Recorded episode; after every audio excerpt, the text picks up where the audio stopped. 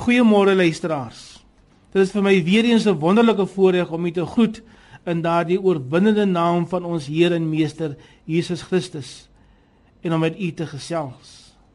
Ons laaste gedagte vanoggend gaan oor die wonder van God se genade.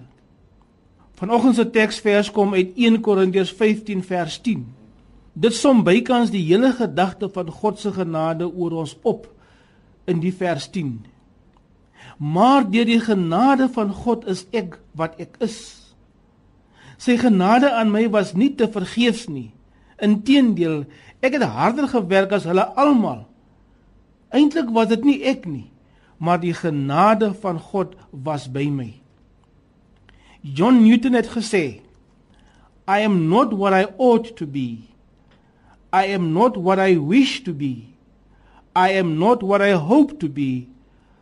But by the grace of God, I am not what I was before.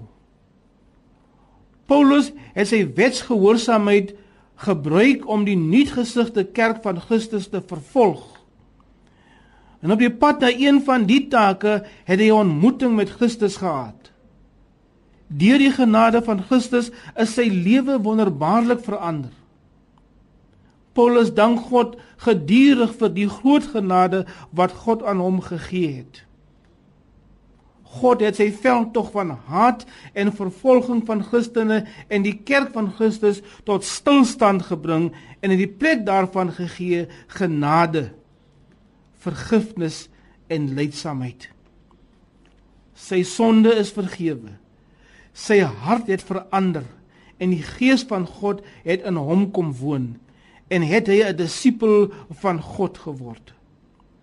Hy het God gedien met dankbaarheid en oorgawe. En deur die hele Bybel vanaf die Ou Testament kan God se genade in aksie gesien word en vandag kan ons dit eerstehands ervaar. Want as jy terugkyk na die pad wat jy gestap het en waar die Here jou gedra het deur genade is dit dan nie werd om die Here daarvoor te dank nie? Die Here wil sy genade en liefde in jou lewe kom demonstreer. Die Here wil ook jou lewe kom verander deur sy genade. Wie weet watter groot dinge die Here in sy plan vir jou het, liewe luisteraars. Sy genade is vir jou genoeg. Here help ons om nooit op onsself te roem nie, maar alleenlik in u genade. Leer ons ook om soos Paulus dankbaar te wees vir oorvloedige genade en daarop te roem. Leer ons ook om selfs in die moeilike tye God te dank. Ons bid dit om Jesus Christus onwil. Amen.